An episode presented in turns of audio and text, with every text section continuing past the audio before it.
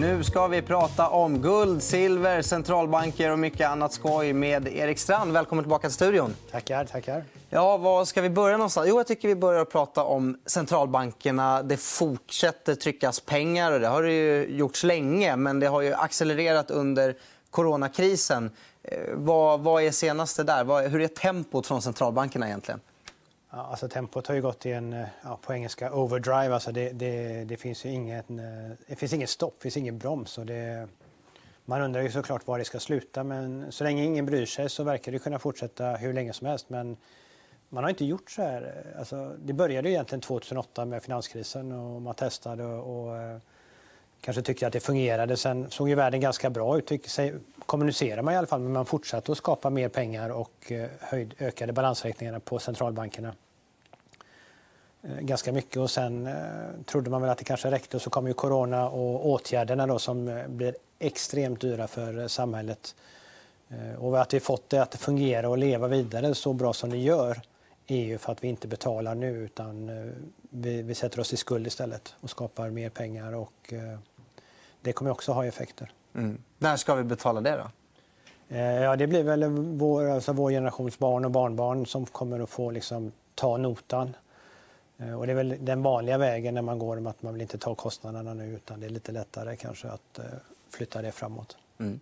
Eh, och vi ser ju just nu inget slut, eller stopp eller inbromsning i, i att det trycks mer pengar. Vad, vad ger det för effekter på eh, aktiemarknaden, eh, och valutamarknader och andra typer av, av finansmarknader? Alltså det man ser är ju att eh, vi har inte, man tror att eh, så länge vi inte har någon inflation, och då pratar man kanske då egentligen i begreppet prisinflation, så, så händer det inte så mycket. Eh, och prisinflation i sig är... Alltså, ska man, måste man ju mäta det. Man mäter på ett helt annat sätt än man gjorde förr. Och frågan är om de siffrorna är så relevanta. Alltså, räntan ser vi, men vad är inflationen? Alltså dels man räknar ju inte vad aktier kostade att köpa för ungdomar eller fastigheter att köpa för ungdomar idag jämfört med 20 år sedan. Så att, eh, och sen de här hedoniska modellerna som gör att en iPhone som kostar tre gånger så mycket idag räknas som om den gått ner i pris för att den kan lite mer. Så siffrorna blir ganska konstiga när man tittar på prisinflation. Däremot så är det ganska lätt att se på tillgångsinflation och det är ju som hur mycket OMX-aktier kan man köpa liksom för sin eh, nettolön idag jämfört med 20 år sedan eller eh, hur mycket fastighet kan man köpa för sin nettolön idag jämfört med 10-20 år sedan. Där ser man ju liksom en tillgångsinflation. Tror du att den tillgångsinflationen kommer fortsätta? Ja, det kommer säkert, den fortsätter tills den inte fortsätter. Det blir oftast ganska abrupt slut. Eh, och problemet som uppstår det är ju att eh, förut ska ju värde och pris egentligen vara samma sak. Men nu har det liksom börjat separera sig ganska kraftigt. Alltså divergerar pris i en sak och värde i en annan sak. Eh, men så länge alla bara tittar på pris så känner ju alla att man kan tjäna pengar. Priset går upp så tjänar jag mer pengar. Men frågan är, har värdet egentligen ökat? på det man köper. Så mm. det där, där är ett problem eh, som är en risk också. Hur, hur länge tror du att det kan fortsätta? När borde det abrupta slutet komma? Alltså, det är alltid svårt att säga, men det är när man ser fenomenen, alltså de som har varit försiktiga och stått utanför, liksom när de börjar gå in i marknaden också för att de ser att jag måste också vara med. Man börjar få panik att någon annan blir rikare än jag. Och då köper jag också. Sånt är ju oftast ganska farligt. Eller brukar signalera att man når någon form av topp. Men Får vi en nedgång så systemet tål inte en nedgång så klart då trycker man ännu mer pengar och eh, flyttar kanske en eh, normal börsnedgång eller börskrasch till och med som egentligen inte är farligt eh, framåt i tiden. Nej, inte farligt egentligen. Vad menar du med det? Vad är... Nej, men alltså, är man eh, som jag lite, lite äldre och liksom har, har samlat kapital, det är klart, eller har fastighet eller eh, lägenheter så, så är det jobbigt om eh, priserna går ner. Men för alla våra så att säga, unga människor som börjar jobba och inte har tillgångar så är ju en nedgång en möjlighet för dem att få köpa in sig i marknaden också. Nu är det ju en marknad som är reserverad för oss som har varit med länge. Så att, eh, och är man rätt positionerad nu och får en nedgång och kan köpa så att säga sina aktier sen tillbaka till ett bättre pris så är det också en möjlighet. Så att jag tror inte man ska vara så rädd för börsnedgångar egentligen utan eh, se det som något naturligt och eh, också en möjlighet för eh, framtida generationer vad det innebär att det trycks pengar från centralbanker och att det lånas pengar från eh, länder. Tänk USAs statsskuld har ju ökat också rejält här i, i, i covidkrisen. Vad innebär det för eh, metaller som till exempel guld och silver? Alltså man eh, knyter ihop den säcken lite så tror jag att man ser det bäst i att titta på euron som då kom ut 1999-2000, alltså lite drygt 20 år bara. Och eh, om man mäter euron i guld så har den förlorat 85 av sitt värde på den här korta tiden. Och det är liksom världens näst största valuta. Och det säger hur mycket, vad, är det som egentligen händer? Alltså att försämras värdet på pengarna eh, så ser vi ju samma belopp, så det ser inte så illa ut. Men i, i grunden så är det inte särskilt bra. Har man då köpt kanske aktier eller någonting annat och fastigheter, då är det okej okay, för då har man tjänat ikapp den här förlusten. Men har man inte gjort det så är man en stor förlorare. Och eh, hur, hur guld och silver känns som det har konsoliderat lite grann i år. Vad, vad tänker du kring prisrörelserna där hittills? Ja, precis. Backar vi lite där, eller tittar lite framåt också eh, så, eh, och går in mer i detalj nu så hade vi, gick priserna upp ganska mycket förra året med ett nytt all time high i augusti.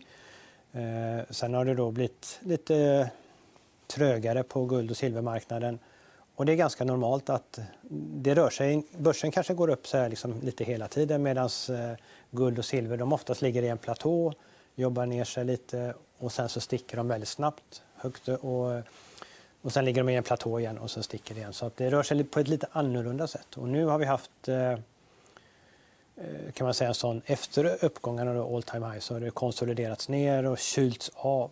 Det är ofta så att sentimentet blir för starkt och då måste det kylas ner innan det blir redo för eh, nästa uppgångsfas. Lite vinsthemtagningar och annat? Eh, vinsthemtagningar och sen man, man, får retail liksom att tröttna och sälja och, och få ner sentimentet. Det var för upphaussat såklart vid en all time high. Och, sentimentet kommer ner när folk börjar liksom, ah, men nu vill jag inte vara med längre och säljer lite. Och så, eh, då får de stora investerarna som vill vara långa, de köper då från de här svaga händerna som säljer under den här den perioden så att de äger så mycket som möjligt inför den kommande uppgången. Här. Mm.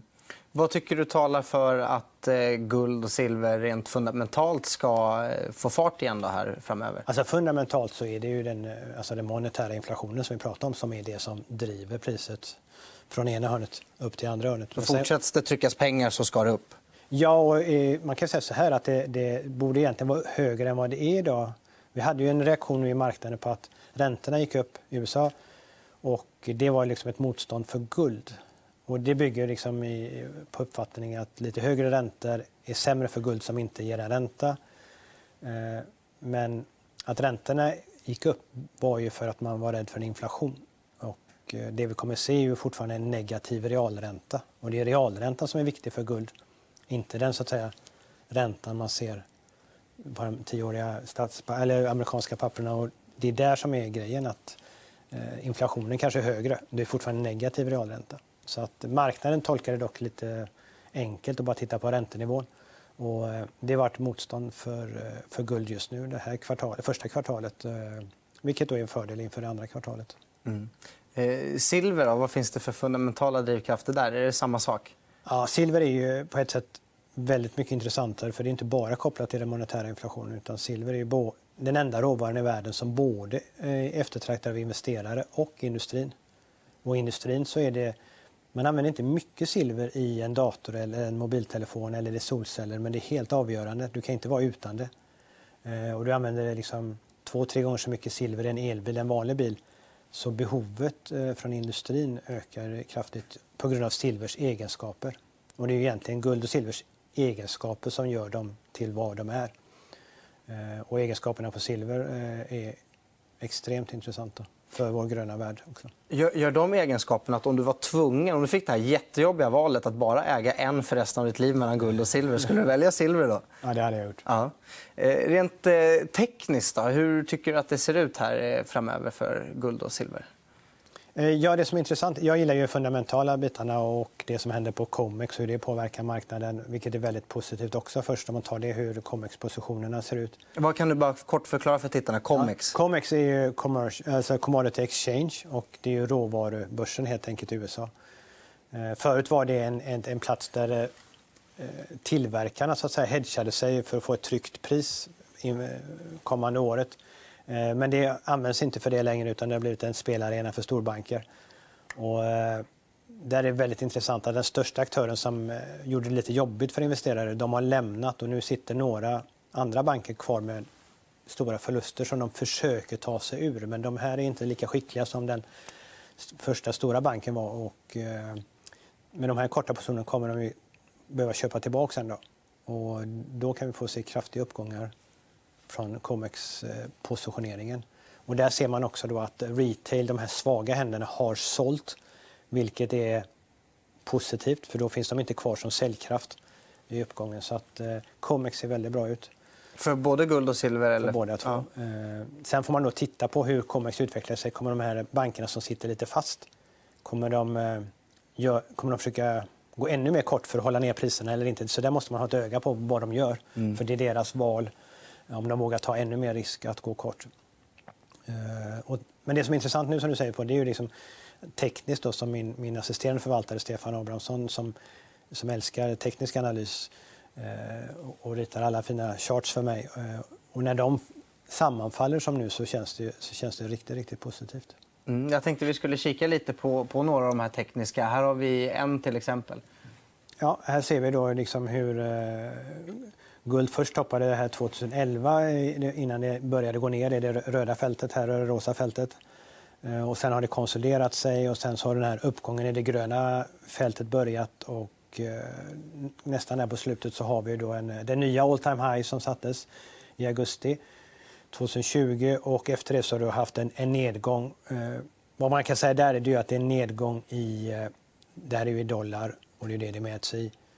Dollarn har ju stärkts under den perioden så att det blir inte riktigt samma kurva om man tar det i till exempel i kronor eller någon annan valuta. Men där har det konsoliderats ner i det här fältet här som vi ser att det stöttas och eh, tittar man på det tekniskt så är nästa rörelse ganska mycket luft uppåt.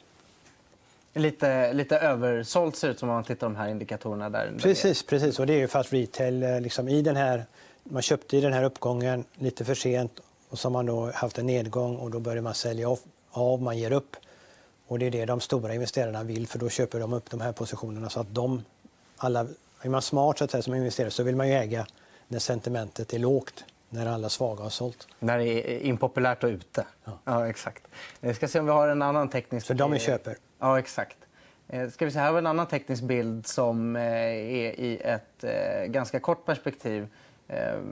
Ja, här ser vi ungefär samma sak. Då. Ja, här kan vi säga så att eh, så översålt är en bra signal. Eh, kanske ännu starkare om det då inte vill gå ner i väldigt översålt hela, hela tiden. Alltså det finns en väldigt stark drivkraft också i marknaden här.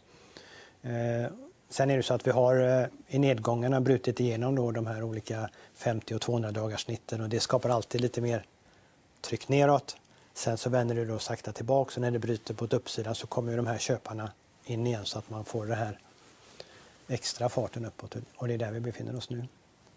Precis. Och jag ska se om vi har en sista bild också att kika på. Där ja. Här är en väldigt långsiktig ändå. Den här är ända från 2012. Ja, eh, här ser man ju själva vändningen då, eh, som började första babybullmarknaden som började i slutet här 2000, ja, 2015, 16, 17. Alltså, och sen så gick det ner igen, konsolideras och sen 2019 så började ju den sekulära bullmarknaden komma igång. Och det är klart, nu, nu har vi lite nedgång på slutet men ser man trenden i den så är det en ganska stark uppåtgående trend. Och den som köpte 2012 den är ju fortfarande inte tillbaka på break-even. Nej, i dollar så kan man titta så. Att, och det är ju som man tittar på guld så, så säger någon att på 80-talet var det jättedåligt att äga guld. Och det var ju för att guld gick upp så mycket, det gick upp 1000 procent på 70-talet. Så när någonting toppar, alltså det är ju så med priser, ofta går de ju för högt. De ska upp men så går de för högt. Det är klart, då blir det ju en fallhöjd när det ska korrigeras ner i en, i en bear market eh, desto kraftigare. Och då tar det ju längre tid om man köper precis på de här topparna. Och det är väl därför det är så viktigt som vi pratade om innan att försöka köpa när, när det sentimentet är lågt. Eh, då hamnar man rätt. Mm. Och det är det nu?